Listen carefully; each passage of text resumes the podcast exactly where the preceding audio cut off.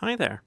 My name is Peter van der Meulen, and together with Johan Deckmar and Robin Rosenberg, we're starting a new podcast.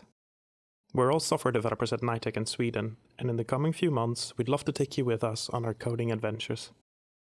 Every other week, we'll try to tune in to talk about what we've been busy with and what challenges we faced or are facing. We are recording our first session in the next few days, so stay tuned for episode number one. Look for Knights on Wires wherever you listen to podcasts.